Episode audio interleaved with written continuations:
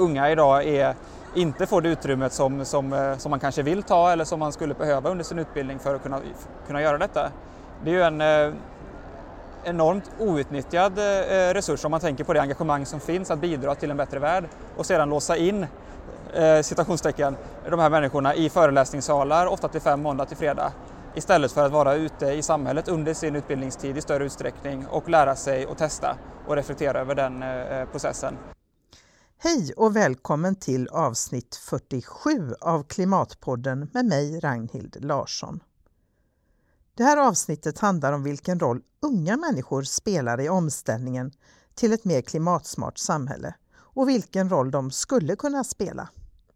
Gäster är förstås tre unga personer, nämligen Erik Wallner från Solcellskollen, Johan Larsson från Challenge Lab på Chalmers och Martin Arin Larsson från Miljöbron.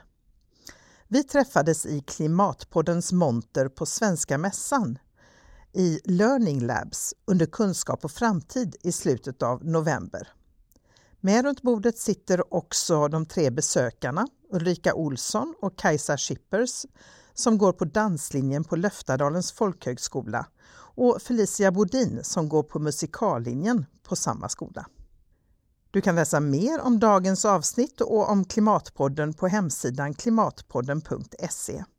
Kom ihåg att följa oss på Twitter och Facebook. Podden kan du prenumerera på via iTunes eller Soundcloud och alla andra ställen där poddar finns. Dela gärna och tipsa om ämnen som du vill att vi tar upp och gäster som du vill möta i Klimatpodden. Och till sist, tack till alla som lyssnar och hör av er med tips och pepp. Nu är det dags att köra igång dagens avsnitt. Välkomna till Klimatpodden! Idag sitter vi här i en lite stökig miljö, man nu ska, eller ljudstökig miljö i alla fall, på Svenska Mässan i eh, Learning Labs och det pågår kunskap och framtid.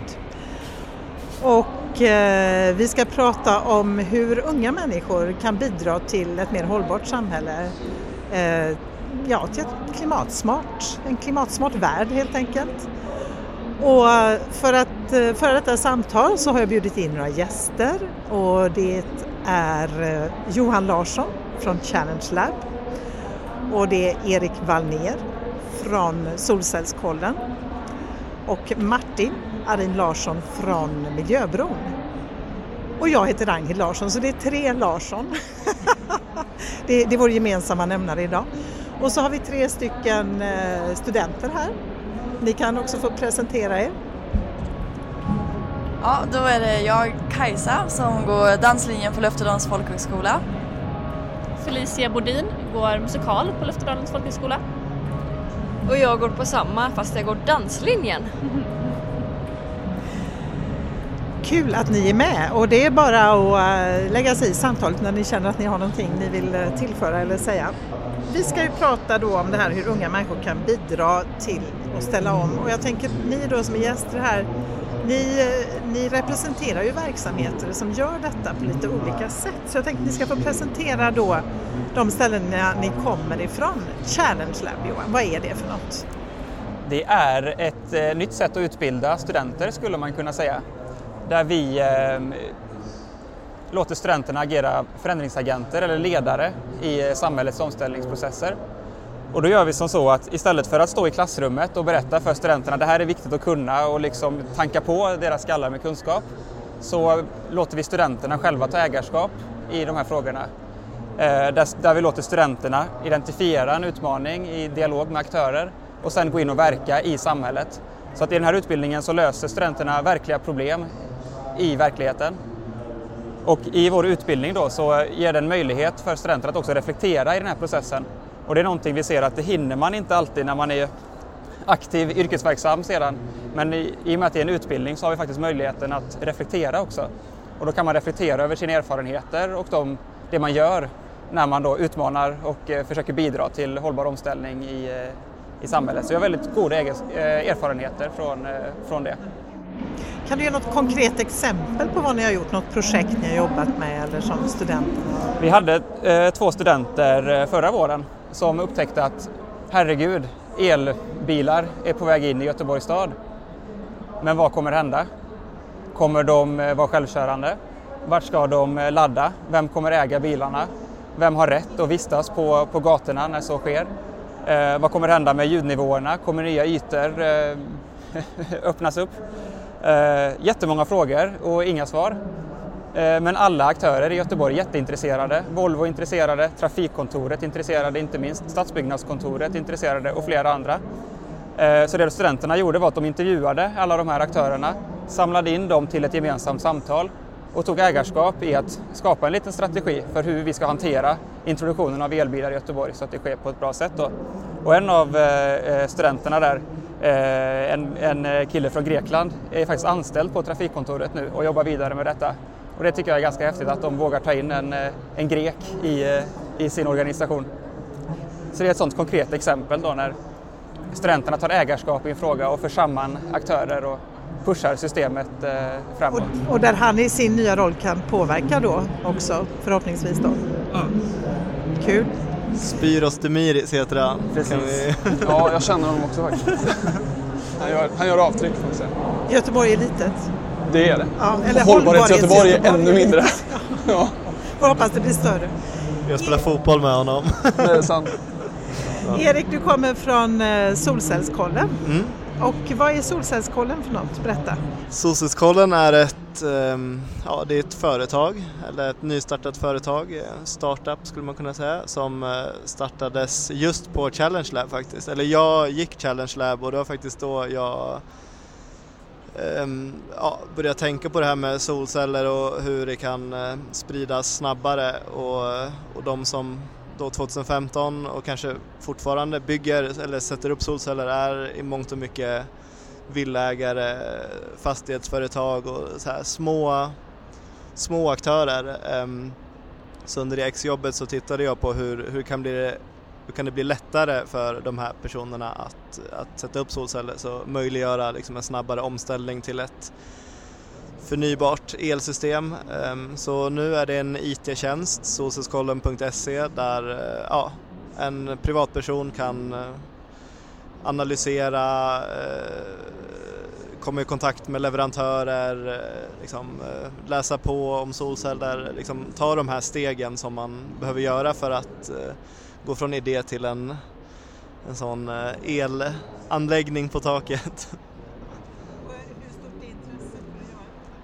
Eh, att sätta upp solceller och faktiskt att använda solskålen, det finns stort intresse ja, för båda och. Eh, alltså solcellsmarknaden växer väldigt snabbt i Sverige. Förra året växte den med 60 procent och um, i år kommer det säkert vara liknande. Nästa år kanske fördubblas så att liksom, och, och, svenskar generellt sett är väldigt, ja, gillar solel helt enkelt. Så alla sådana här enkäter som kommer ut så så, så solceller alltid liksom den mest populära formen av elproduktion och, och jag tror en, en, en anledning till detta är just att vem som helst, det är liksom inte bara några stora företag som kan investera utan varenda kotte nästan kan göra det.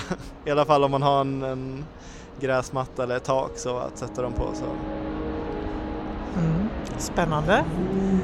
Och Martin, berätta om Miljöbron. Vad är Miljöbron? Miljöbron, vi är en organisation som, som verkar egentligen har ett dubbelt syfte. Det ena syftet är att ställa om näringslivet i samhället i en hållbar riktning och då har vi ett speciellt fokus på små och medelstora företag. Och verktyget som vi använder för det och också vårt andra syfte, det är ju studenter och att utveckla studenters färdighet att arbeta med hållbar utveckling i praktiken. Eh, och med studenter menar vi då universitetsstudenter och högskolestudenter. Eh, så att vi är helt enkelt eh, ett gränssnitt mellan näringslivet och akademin kring hållbarhetsfrågor. Eh, där vi jobbar på lite olika sätt för att samla in och formulera näringslivets frågeställningar kring hållbar utveckling och forma dem till uppgifter och projekt som studenter kan arbeta med inom ramen för sin utbildning eller som fritidssysselsättning. Och Ehm, det gör vi ju på lite olika sätt som vi har jobbat fram under de 20 år som vi har hållit på med det här. Ehm, så vi jobbar dels direkt med universitetet och skickar in case eh, direkt i kurser. Till exempel har vi ett samarbete med Challenge Lab just nu i en kurs där vi ska ha en intressentdialog kring hållbar sjöfart. Ehm, det är en vi jobbar med en kurs i digitala media på Högskolan Väst. Eh, och sen jobbar vi med, med många kurser runt om universiteten i Västsverige. Då. Vi finns även i Lund i en systerorganisation. Ehm, sen jobbar vi då med, även med uppsatser såklart eh, och praktikplatser. Men de här ideella uppdragen då, som studenter kan göra vid sidan av studierna har vi också. Så att eh, det är en himla massa projekt, eh, 130-150 per år med lika många företag nästan och nästan 400 studenter. Så det, det, är en rullians och mycket som händer. Ja, mycket spretiga veckor har jag ibland. Va, vad är det som gör att ni gör det ni gör? Eh, alltså, va, vad är det som gör att du eh, håller på med detta? Vad är det som driver dig? Oj, ja det där det är en svår fråga. Eh, alltså min personliga drivkraft kommer nog mycket från egentligen miljöhållet från början. Eh, men i takt med att jag intresserade mig för de frågorna och också jobbade lite med de frågorna så insåg jag väl personligen att hållbar utveckling är till mycket stor del en organisationsfråga. Hur formar vi de organisationer som vi arbetar i och verkar i för att föra samhället framåt i någon eh, riktning? Och den riktningen har väl, har väl ett behov av att styras om i många fall. Och där tror jag organisationen är nyckel. Ehm, och Miljöbron tycker jag personligen är en intressant organisation och därför har jag valt att jobba på Miljöbron. Därför att eh, dels det här att forma framtidens förändringsagenter, lite som Johan pratar om också. Eh, men också det att 60% av Sveriges företag, eller 60% av Sveriges BNP ska jag säga, kommer från små och medelstora företag. 99% av de svenska företagen är små och medelstora företag. Och vem jobbar med dem? Lagen om hållbarhetsredovisning som precis har kommit, den rör inte små och medelstora företag. Ehm, och, och, väldigt mycket av de initiativ som finns från politiskt håll riktar sig inte dit. Därför att det saknas resurser och ofta kompetens. Ehm, och om vi då kan göra något för att, för att eh, liksom putta in resurser i små och medelstora företag för att ställa om dem så, så ser jag att vi har en jättenytta potentiellt Verkligen. kan göra det Men det är intressant det här med att det är så många som är små och medelstora företag för man lever i någon sorts föreställning om att Sverige består av eh, ett land med väldigt stora företag, typ Volvo och Ericsson. Precis. och det är väldigt konstigt. Var får vi den bilden ifrån? Men ja, det, har väl, det, det är ju så. Jag menar, det, tusen små aktörer, vad, vad, kan de göra? De har inga gemensamma eh, employer branding budgetar för att nå ut till De kan inte stå, ja den här mässan kanske är ett dåligt exempel, men det finns ju många mässor de, de kan inte stå där. Eh, men samtidigt som de har en jätteviktig roll. Jag var i Åmål i morse och träffade ett verkstadsföretag där som säljer globalt sina produkter. Eh, och de är ju superviktiga för den orten och för att kunna Alltså, det finns ju många sådana aktörer på många svenska orter och de glöms ofta bort men de har ju också en jätteviktig roll att spela i Sveriges omställning. Verkligen. Och Erik, varför håller du på med Solcellskollen? Vad är det som driver dig att gå till jobbet varje dag och ja, fortsätta nej, med det? Som jag, det är ju det här den här, alltså under några årtionden här framöver så ska världen gå från ett liksom, fossilbaserat energisystem till något som är förnybart och eldrivet och, och mycket bättre. Liksom. Och det här ska ju hända under de åren som vi är yrkesverksamma. Eh, och när jag gick i skolan så man, man vill ju liksom lära sig saker så att man kan vara en del av den omställningen till något som är mycket bättre snarare än att liksom, lära sig något som kommer försvinna. Så, så att just hålla på med solceller, eh, det gör jag av den enkla anledningen att solceller kommer vi få mycket mer av i framtiden och det kommer komma mycket lösningar runt omkring solceller och, Ehm, och sen, eh, alltså jag gillar ju verkligen tekniken också, just att det är, ja men det där som jag sa att vem som helst kan sätta upp, det innebär ju att vi får ett elsystem som där potentiellt hundratusentals svenskar kan eh, vara med och producera och tjäna och eh, liksom driva elsystemet. Så, eh, sen är det ju häftigt också. Det är väldigt rimligt att vi ska eh, att solens ljus direkt konverteras till solel istället för att vi ska liksom koka massa vatten som driver väldigt avancerade kraftverk. Så det, mm, det känns inte så rimligt heller långsiktigt. Så, så det är många anledningar till att hålla på med solceller skulle jag säga. Så. Eh, får jag flika in här? För det, det, jag tycker är så häftigt också med, med, just solcellerna och det som ni håller på med, det är ju det här att man decentraliserar hela energisystemet. Alltså att man, vad, vad händer med hela ekonomin när vem som helst kan vara producent. Och det gäller ju, alltså digitaliseringen är ett tydligt exempel på det. Eh, men, och att det kommer över till energisektorn som är på något sätt liksom är den här... Man, man inbillar sig att det är den mest svårformbara av alla sektorer nästan därför det är så otroligt mycket permanent infrastruktur som står i många, många år och så kommer detta. Ja, precis, för, men det är så här, en, vi pratade om det, någon som höll på med el för hundra år sedan skulle säkert känna igen sig i mångt och mycket i dagens elsystem för att det är liksom samma komponenter men eh, om 50 år då eh, kanske inte det kommer vara fallet längre så Solceller är en, en möjliggörande teknik på det sättet som liksom, internet är eller eh, så, så. Just det, före och efter internet. Ja, eller precis, före och efter, efter solcellerna. Ja, ja. Men jag är övertygad om att det kommer liksom, forma Absolut. Ska vi säga, du ska få, ska bara vrida mikrofonen här till dig. Eh, du får gärna säga igen vad du heter bara okay. så att man vet vem som pratar. Ja, det här är Felicia som pratar. Eh, jag håller jättemycket med det du säger, det är jätteintressant med att det är så självklart med solen ska ge oss energi. Jag menar solen ger ju människan energi och med det vitamin och allt så det är jätteintressant. Jag undrar bara hur länge har det hållit på med alltså, solkraft och allting? Hur, alltså, hur länge, det, det känns som att det är ganska nytt, det har varit så mycket med vatten och vind så det är som sol. Alltså så här, att använda solens energi det, och så här, alltså jag tror man har, man har säkert pratat om det i eh, över hundra år liksom. Och då var det i och för sig lite andra tekniker, just det här att använda mm, elektronik som att de här halv, som en solcell som den funkar nu, det har kanske funnits i, ja nu kommer jag inte ihåg exakt siffra här men kanske i slutet av 40-talet så, så eh, liksom tog man fram den första här, kommersiella solcellen och det var mycket samma liksom, tekniska komponenter som möjliggjorde datorer och sådär. Eh, så det går lite hand i hand. Ehm, eh, men sen, sen, det var ju väldigt länge, alltså det började ju med att man satte det på lite fyrar och på båtar, alltså dit där man liksom inte hade något alternativ. Eh, ehm, och det kanske var på 60-talet man började ha den typen av applikationer. Men sen ehm, kanske på 90-talet i Tyskland då började, liksom, då började man se solcellsanläggningar så som man ser dem idag, att de satt på villatak och sådär. Eh, men sen eh, men då var det också väldigt litet och det var liksom märkligt och det var bara liksom supernördarna som höll på med det här liksom.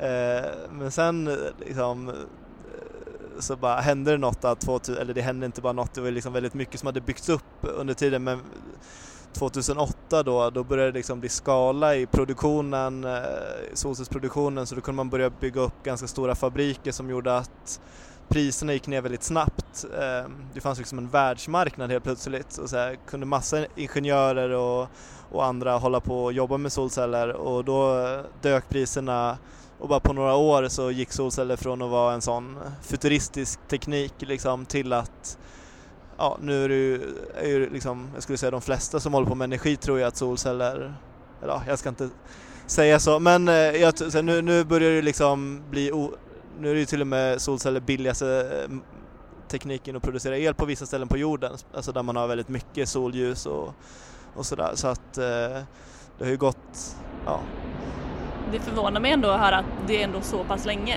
Du sa att det var 60 eller 40-60-talet och allt. För jag tänker, jag är född 94 och jag kommer ihåg att jag har sett sådana här plattor på taken så, och då har man tänkt vad är det här för någonting? Och det är inte någonting man direkt har lärt sig om.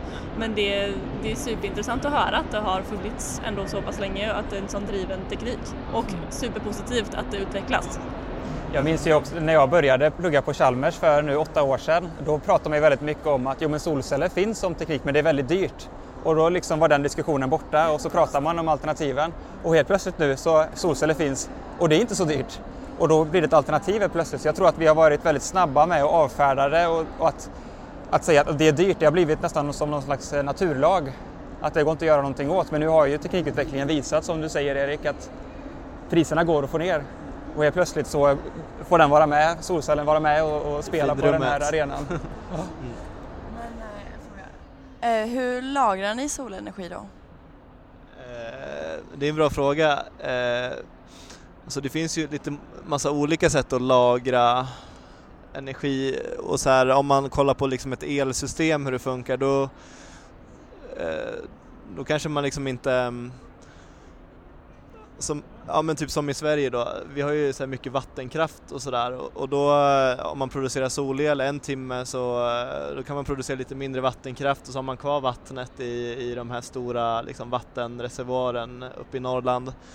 Ehm, det är liksom ett sätt att man bara väntar med att producera annan el tills solen slutar lysa liksom. Eh, men sen finns det ju, det finns ju nu batterier eh, går ju också ner i pris ungefär på samma sätt som solceller gjorde för, för tio år sedan. Eh, och batterier är ju, det är liksom ett väldigt så, ja, då lagrar man el. Det är som Ehm, och sen finns alltså det, fin ja, det finns en massa olika sätt att lagra el men vissa har kommit mycket längre än, än andra. Så, men just det här med lagra el, det är något som kommer när det finns ett behov. När det finns ett stort behov av att lagra el, det är då liksom alla, hela det här maskineriet sätts igång och liksom, ja, studenter som er går ur skolan och så, ja men batteriindustrin behöver jättemycket anställda liksom och sådär och då så det blir ju sån, eh, sån positiva eh, feedback-effekter liksom. Så. Oj. Johan, vad är det som driver dig då att hålla på med Challenge Lab? Vad är det som eh, gör att du vill ägna dig åt detta? Ja, i, i grund och botten så är det nog en ganska så djup oro skulle jag säga över hur världen utvecklas. Och sedan drivkraften i det är ju att se eftersom det finns så många som är oroade och det finns så mycket energi och kraft bland, bland människor att göra någonting bra av detta så, så ser jag liksom en, en drivkraft här att försöka göra det lite mer konkret vad det är vi står inför och omvandla den här oron till någonting eh, positivt. Eh, för hållbar utveckling är ju inte bara att vi ska ändra beteende, offra, offra oss eh, minska och göra mindre av det som vi tycker är roligt. Utan det kan ju faktiskt finnas någonting positivt i detta. Så vi försöker hitta det positiva i, i hållbarhetsfrågan. För det handlar ju faktiskt om att skapa ett gott liv för oss och för varandra och även för framtida generationer. Så det är en enorm eh, utmaning men också väldigt motiverande. Och det som eh, vi gör då i, i, i Challenge Lab är att göra det här lite konkret och se på vilket sätt kan jag bidra? Vad är det för eh, verktyg jag behöver för att kunna göra det? Och vad är det för ledarskap som blir viktigt? Och så skapar vi den här arenan där man kan utveckla det tillsammans med andra. Eh, vilken roll eh, skulle du säga att unga människor då spelar i den här omställningen? Alltså hur, eh, det, alltså jag brukar alltid i, när jag har gäster i Klimatpodden fråga dem ja, men vems är ansvaret då att ställa om och var kommer förändringen ifrån? Liksom? Så ja, vilken roll spelar unga människor? Så kolla bara på, eh, på Erik med Solcellskollen, vart, eh, vart det initiativet eh, kommer ifrån. Man brukar ju jämföra den omställningen vi står inför med industriella revolutionen. Och det som är lite speciellt med den, det är just att det var ingen masterplan som rullades ut. Det var ingen, som, ingen stor ledare som sa nu ska vi göra det här och så delar man upp arbetet i, i delar och så med liksom mål och objektiv och projekt och så, utan det bara hände. Och det var miljontals små, små, små ställen som det började på samtidigt. Ingen tydlig startpunkt, ingen tydlig eh, slutpunkt. Men det hände och vi vet inte om vi har tagit oss ur den än. Men eh, man kan likna den här omställningen med den processen och då är ju så att den första, första frågan, eller svaret på den första frågan är ju att unga spelar eh, samma roll som alla andra. Men sedan också kanske en extra viktig roll. Eh, vi, har, vi är inte så eh, inrutade i hur saker och ting brukar vara. Vi har inte, eh, många unga har inte låst fast sig ännu med eh, en dyr bil, ett dyrt hus, barn att ta hand om och, och ett arbete som man liksom behöver förhålla sig till. Så att vi har ofta en mycket större frihet att agera. Och dessutom så ser vi världen på ett, ofta på ett lite nyare sätt kanske än vad, än vad, än vad en äldre generation gör. Så att eh, jag skulle säga att det finns mycket kraft bland, eh, bland unga och eh, den potentialen behöver verkligen eh, utnyttjas. Så att ibland så hör man ju på, på mässor och sådär så säger många att ah, men vi utbildar framtidens ledare. Eller ni unga, ni är ju framtidens ledare. Men vi brukar säga att nej, men ni unga är ju dagens ledare. Just det. Varför vänta? Ja. Vad säger ni andra då? Vilken roll spelar unga människor i omställningen? Ja, ska jag börja? Eh, ja, nej men det är klart att det som Johan säger att eh, vem, alltså vem ska göra det här? Alla ska ju göra det såklart. Mm. Eh, jo, vi, vi väldigt... som är tillhör medelåldern, medelåldersgenerationen kan inte luta oss tillbaka och vänta på att ni ska lösa det. Nej, nej men sen har väl alla generationer sin egen eh, fråga kanske, tänker jag också någonstans. Men eh, jag var 17 när eh, Al Gores film kom. Den kom väl 06, gjorde den inte det? Eh, och jag såg den kanske något år när den kom till Sverige efter att den släpptes i USA. Eh, och jag menar för mig var det, jag var inte intresserad av de här frågorna förrän jag såg den filmen. För då insåg jag hur det här hängde ihop. Att de sakerna som jag värderade, eller de saker som jag bara jag såg, såg det här. Och alltså den filmen gjorde ett jättestort intryck på mig. Eh, och det är klart att det är också en ålder där man är formbar, där man håller på att liksom ta in vad världen innehåller och vilken plats man ska ha i den. Eh, så jag tror att eh, om unga människor är liksom framtidens och dagens ledare men också har ju fått på något sätt möjligheten att växa upp och formas i, här, i den här diskussionen på ett sätt som tidigare generationer inte har. Och jag menar, det har ju tagit en otrolig spin efter det. Det tog ju många år, även efter den filmen, tills det verkligen fick traction i samhället. Liksom. Och nu är vi ju kanske där att alla snackar om detta. Um, så att, och jag menar, den personliga drivkraften som finns hos folk, det viktiga nu är bara liksom att, att på något sätt kanalisera ut den eh, på rätt sätt eh, och ta tillvara på det och, och liksom inte heller deppa ihop. Och det är klart, vi kanske inte kommer nå tvågradersmålet eh, kring, kring, kring eh, höjd medeltemperatur på jorden då. Men, eh, men skit i det. Eh, det vi får göra det bästa av situationen sen. Och det som är hållbart, alltså, nej men lite så, alltså det handlar också, hållbarhet handlar ju också om att kunna anpassa sig till förändrade Just det, resiliens brukar ja, man ju prata precis, om. Precis, resiliens. Ja. Jag, jag, skulle vilja utmana dig där lite Martin. Vill du utmana mig där? Utmana ja. mig hemskt gärna. Du är ju lite mer inne i akademin än vad jag är. Jag skulle säga att eh, vi är ganska begränsade av vad vi tror är möjligt. Om vi bara kollar på det solcellsexemplet då, solceller är dyrt, det har ingen framtid och nu kommer det snabbare än vad någon annan eh, har trott. Jag tror till och med att, vi, eh, att, att utvecklingen går snabbare än Greenpeace mest eh, ambitiösa prognos. Eh, så jag skulle säga att ibland så låser vi oss in i vad är möjligt och vad är inte, inte möjligt. Tvågradersmålet, när man pratar om det då i klimatsammanhang, för det första är det ingen, inget mål utan det kanske är någon eh, smärt, smärtgräns då. Eh, men sedan också, vi pratar då 2050, 2070, vem vet hur världen kommer att se ut då? Det handlar inte om sannolikheter eller någonting som kommer hända utan det är ett resultat av de, det agerande vi gör idag och hur vi handlar här och nu. Så jag skulle säga att vi, vi, vi, kan inte prata om det i termer av sannolikheter utan vi måste prata om framtiden som något vi skapar tillsammans. Eftersom det inte har hänt än så finns det ingen anledning att, eh, att säga att jag tror inte vi kommer nå det. Väl utmanat skulle jag säga. Eh, jag tycker att det är väldigt kul, alltså den tiden vi lever i och att det är så mycket utveckling och att man har en påverkan och det är massa saker man kan göra. Och jag tycker det bästa sättet att förändra som individ i samhället är att vara ett levande exempel på det man kan göra. Att inte prata om det utan att göra alla de här grejerna och sen kommer folk fråga dig bara, men varför har du den här kaffemuggen för? Jo men det har jag för att då slipper jag ta alla de här takeaways och på det sättet gör jag det här bra eller massa sådana olika saker. Så det tycker jag är väldigt roligt. Typ. Ja. Jag kan lägga till också lite eh, om det här med ungas roll och sådär. När jag var student på Chalmers så alltså vi såg det ganska mycket som vår, vårt ansvar, alltså ja, med den studentföreningen var att eh, det var liksom vi det var ju inte alls säkert att det var lärarna som skulle ta upp och lära oss om hur eh, om hur liksom framtidens energisystem eller Alltså jag skulle säga, har man liksom studerat en bensinmotor i hela sitt liv och försökt få den att bli mycket bättre och sådär, då är man ganska inrutad i det. Och då är det ganska mycket det man vill lära sina studenter att nej men gör så här så blir det lägre utsläpp från, från en motor och sådär eller liksom ett kolkraftverk, så här kan man anpassa det och sådär. Um, och så, ja, så jag tror liksom inte att det här, ja mycket får man liksom, får man liksom staka ut själv och, och liksom lära sig av av det man tycker händer som är bra och sådär. Sen tycker jag det finns men det är lite den här grejen som när med dagisbarn, när de är på dagis och får lära sig, bli jätteduktiga på att sopsortera.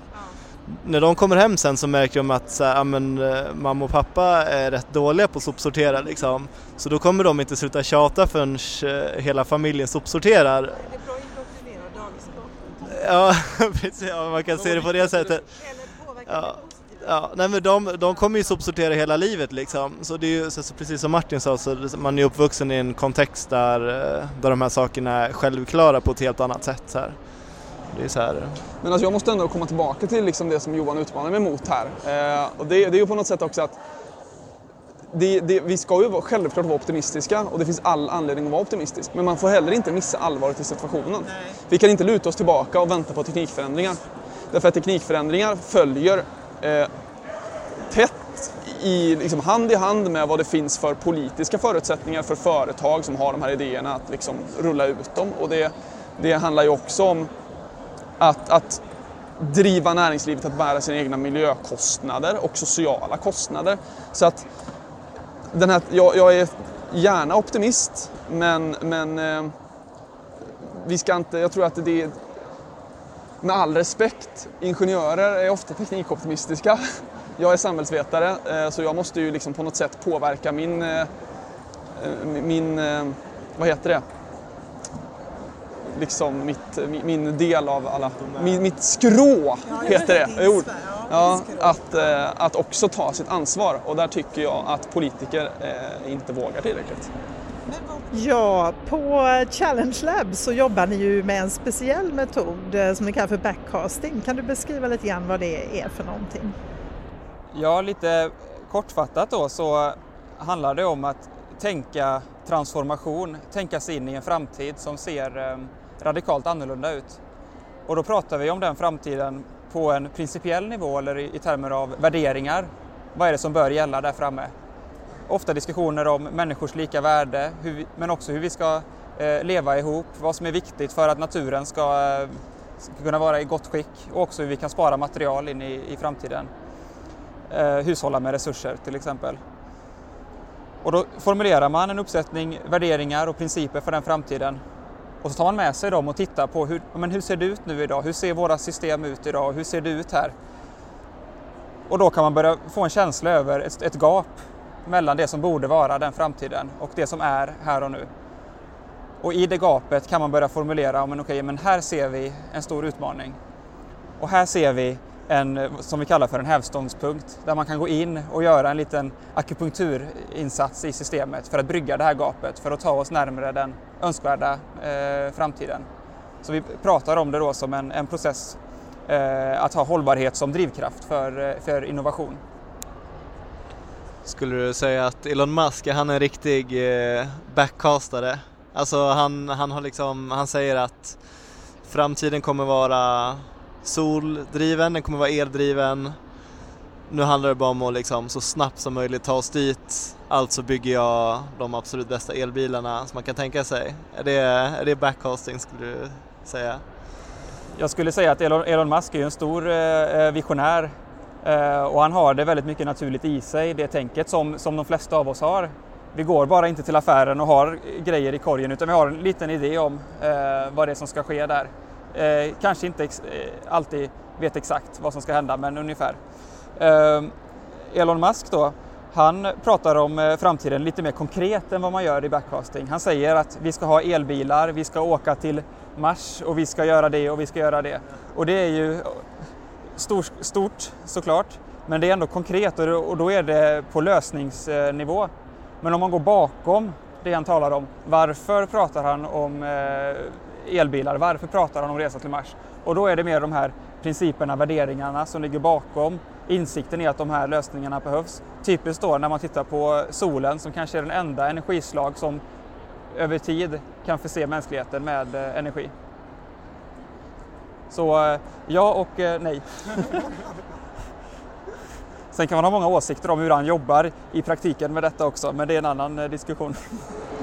Ja, exakt och det är ju ganska intressant då, för då pratar vi om det här med att eh, om, om vi har, alltså vem, vem bestämmer den här framtiden vem bestämmer de här principerna? Och på något sätt, alltså ofta när man pratar om hållbar utveckling så, så kan det snarare vara så att det finns olika värderingar kring vad det är som, vad det är, som är en önskvärd framtid. Och vad som ska få, eh, alltså vad, vad, eh, vad som ska få, få eh, prioriteras ned till förmån för att nå, så att säga lösa någon typ av prioriterad fråga. Så frågan är, alltså, kan man rymma en sån diskussion kring kanske eventuellt motsatta värderingar inom backcasting eller är den liksom är det mera på en systemteknisk nivå? Sådär? Precis. Så typiskt då i det första steget så, eh, så kommer det upp många olika perspektiv, många olika värderingar som, eh, som man tycker är viktiga. Och det viktiga för den processen då är att ställa frågan, men vad kan vi åtminstone enas om?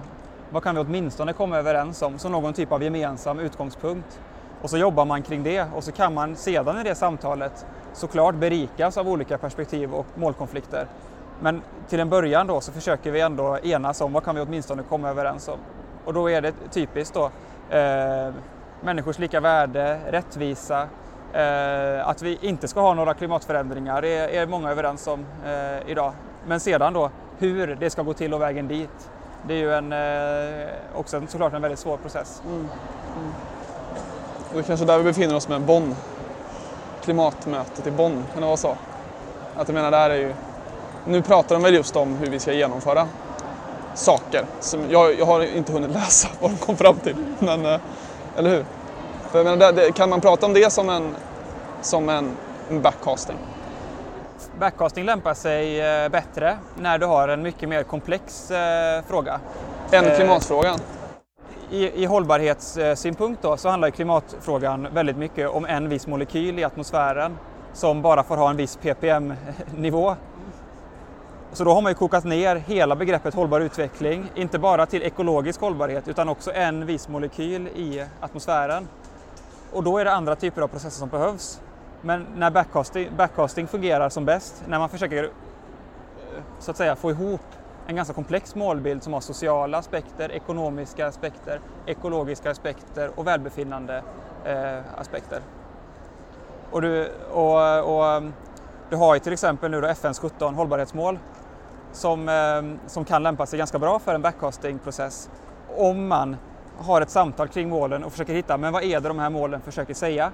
För att om man tittar på målen så de överlappar eh, varandra. Ofta i konflikt med varandra, i dagsläget i alla fall. Och det är väl det också som när vi pratar om det här som vi varit inne på tidigare, att vi inte kan förutsäga vad framtiden håller. Så, så är det ju. Och på olika nivåer och, och, skalor och så. Man har ju ett mål om hållbara städer och så har man ett annat mål som handlar om liv på land. Och jag kan inte tänka mig en hållbar stad där det inte också finns liv till exempel. Så de måste ju kombineras. Eh, men om jag skulle kunna eh, tänka mig det då? Om jag tänker att ja, men, skit i liv, kan, det kan vi väl skapa i något labb. Jag behöver inga vilda djur. Det, det, jag är inte intresserad av det. Jag, jag är intresserad, jag tycker det, det, människan gör det vackraste. Till exempel. Vad, alltså hur... Ja, och det, då är då nu ställer jag lite svars inför hela den här metodiken, det kanske inte är schysst. Men jag, bara, jag, ty, jag tycker det är väldigt intressant bara att, att, lyfta upp det här, och när vi pratar om unga människor också.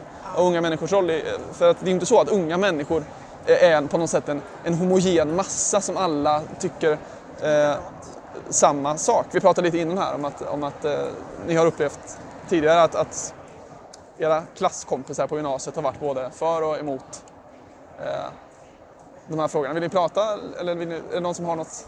Jag heter Ulrika då och eh, vi snackade lite om eh, att det finns liksom två läger. Vissa som tycker att eh, det är väldigt så här, viktigt med miljön och sådär och sen så finns det andra som liksom skiter totalt, liksom, världen går ju ändå under liksom. Just det, så det är ändå att, kört. Ja, det är ändå kört liksom. Varför liksom lägga ner tid på det? Eh, vilket är ganska synd, men det finns två grupper och den ena, den här gruppen som inte bryr sig, då, den når ju aldrig riktigt, alltså förstör ju lite nästan så här och vi måste, man måste ju nå ut till dem också liksom. Att det, det är värt att liksom, faktiskt lägga ner tid och det här är vår framtid och att även om det kanske ser ganska mörkt ut så är det bra att liksom, jobba för det så att det blir bättre liksom. Men som vi pratade tidigare om också så är det ju många unga som tar initiativ mer än kanske den äldre generationen gör.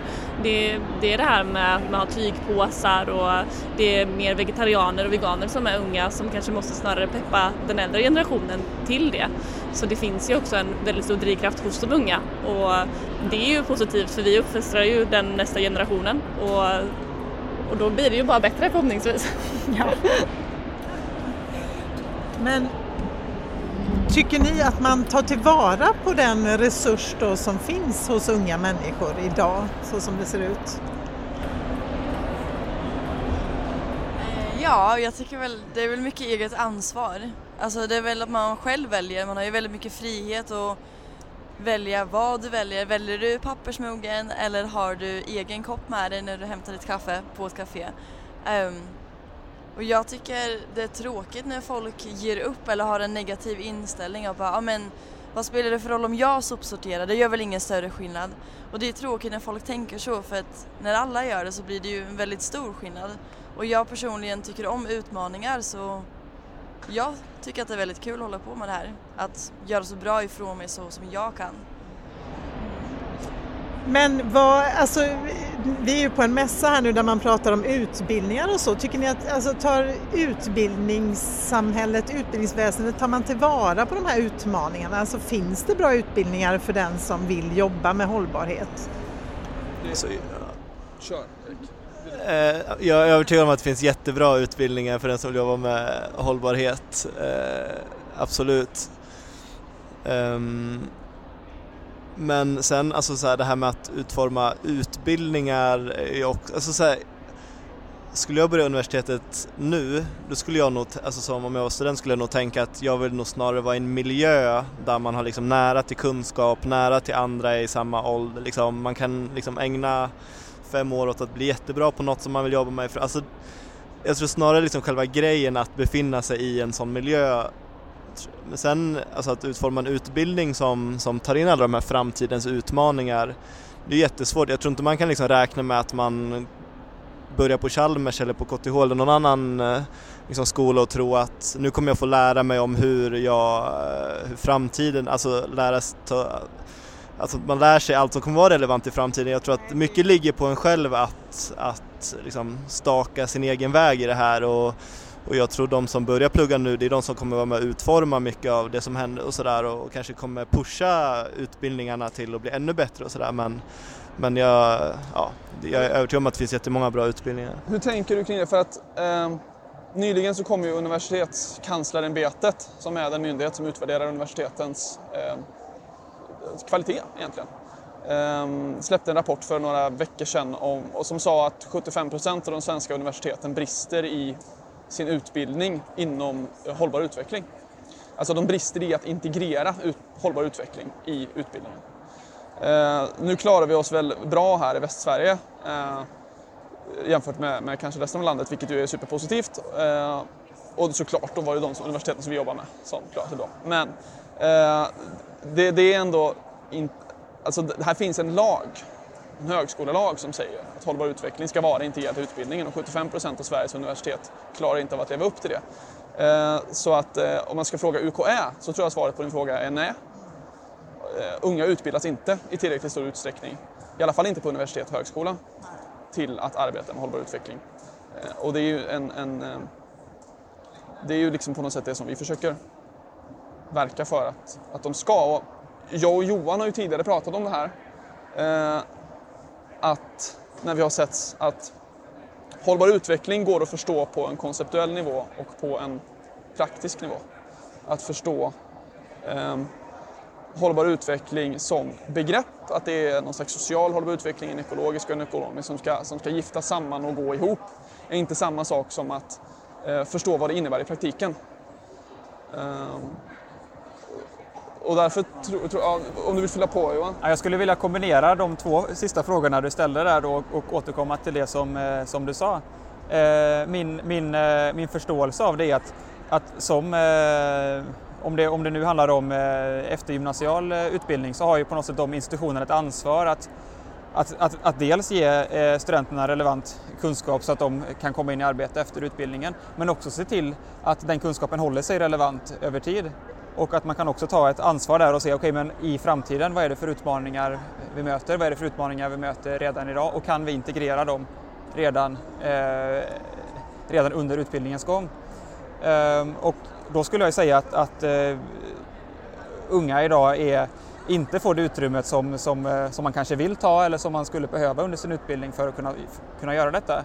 Det är ju en eh, enormt outnyttjad eh, resurs om man tänker på det engagemang som finns att bidra till en bättre värld och sedan låsa in eh, citationstecken, de här människorna i föreläsningssalar 8 till 5 måndag till fredag istället för att vara ute i samhället under sin utbildningstid i större utsträckning och lära sig och testa och reflektera över den eh, processen.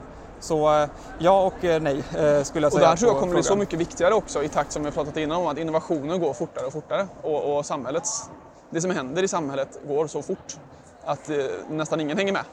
Så att, eh, och, och, jag menar, om du som, sitter som universitetslärare har, har gett din kurs, din grundkurs i vad det nu kan vara, eh, i 30 år. Ehm, eh, det, är ju, det, det, krävs ju för att orka ställa om. Och därför så tror jag, jag håller verkligen med dig Johan om att, att lyfta in verkligheten in i klassrummet. För då, så, då behöver du som lärare själv inte, inte veta allt. Nej. Men då krävs det helt eh, nya typer av utbildningar och eh, ny läroplan och eh, ja. Det finns ett intressant exempel i Paris. Där finns en skola, en, ett, jag, jag, vet inte om det är en högskola, men som jobbar med, de, de har liksom inga föreläsningar utan det är googling som gäller. Eh, de lär sig lösa problem och, och, och, och på universitetsnivå i alla fall i, i, eh, så tror jag att det är någonting som vi skulle kunna använda oss mycket, mycket mer av. Därför att det handlar ju om att kunna, det handlar om att, att, att, lösa en situation. Det är ju det vi ska ut och, göra sen. Vi ska inte ut och kunna massa utantilkunskap nödvändigtvis, även om det såklart också är viktigt att ha med sig. Jo, jo. Um, vår, eh, vår erfarenhet från Challenge Lab är att man behöver både och. Vi behöver ge studenterna rätt kunskap och rätt stöd och sedan ge dem utrymme att, eh, att agera och skapa kunskap i praktiken. Så vi ser att båda delarna är viktiga där. Var går gränsen då för vad du, vad du behöver för så vad går gränsen för serverad kunskap och tillägnad kunskap? Det är ju en balans som, eh, som du som lärare får hantera i samtal med, eh, med studenterna och se till att man hela tiden ligger i den här zonen där man uppgiften är lagom svår för att man ska kunna, kunna lära sig, det ska vara utmanande, men inte så lätt att det bara är att, att, att göra. Så det är väldigt mycket i eh, interaktionen lärare-student som, som, det, som det sker. Till sist undrar jag, vad är ert råd till unga människor som nu vill engagera sig, som kanske vill eh, utbilda sig eller jobba med hållbarhetsfrågor? Vad, vad ska man göra då? Bli agronom. agronom, mark och växt är ett bra val. Just det, och du har, eh, för du går en dansutbildning idag va? Eh, ja, just nu går jag en dansutbildning men jag har sökt till agronom, mark och växt och hoppas på att komma in där. Och vad är det som har fått dig att välja den eh, banan?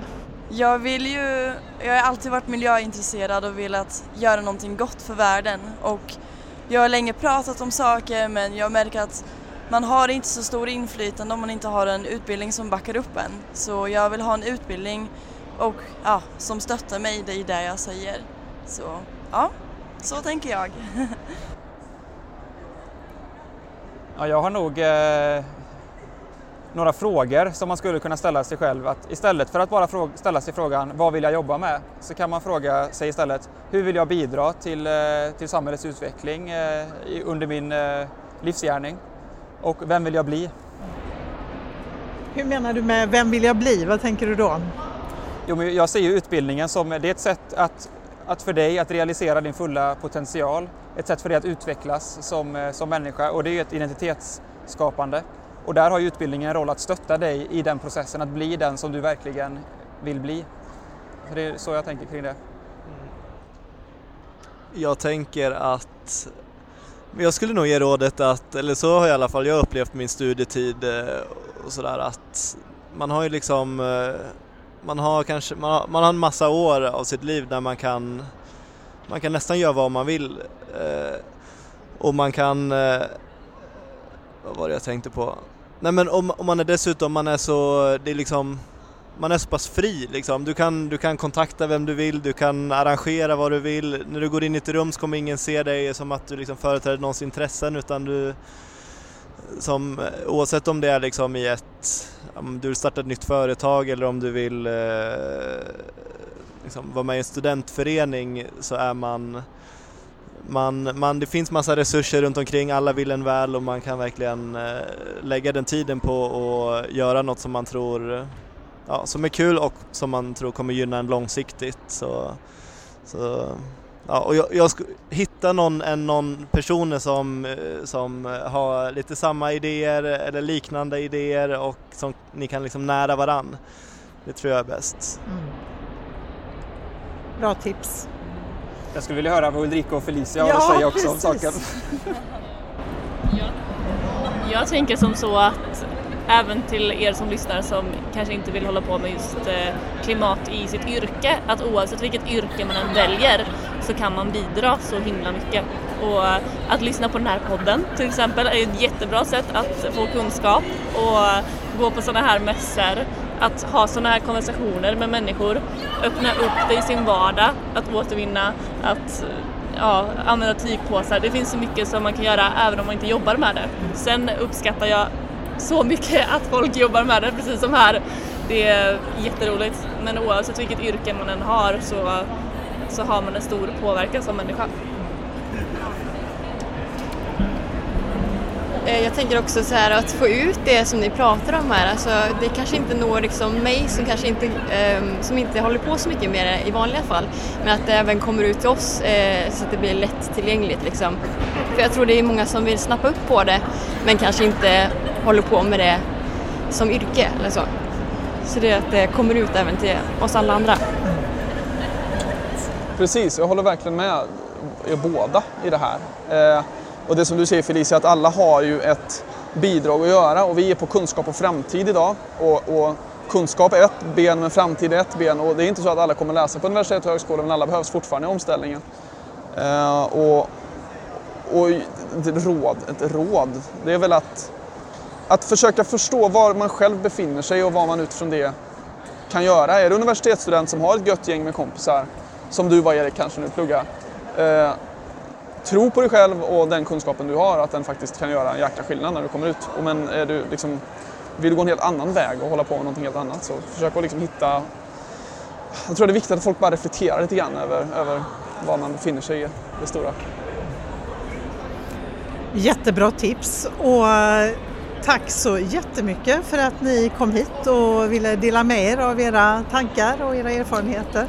Tack så mycket. Tack så mycket.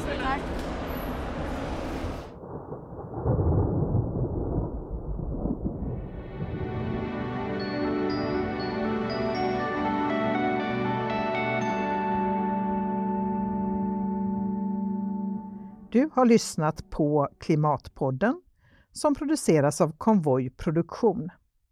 Dagens gäster var Erik Wallner från Solcellskollen, Johan Larsson från Challenge Lab på Chalmers och Martin Arin Larsson på Miljöbron. Du hittar mer information om Klimatpodden och dagens avsnitt på hemsidan klimatpodden.se. Vi finns också på Facebook och Twitter. Sök på Klimatpodden så hittar du. Signaturmelodin är skapad av Tommy Kaso och loggan till Klimatpodden är gjord av Hannes Larsson.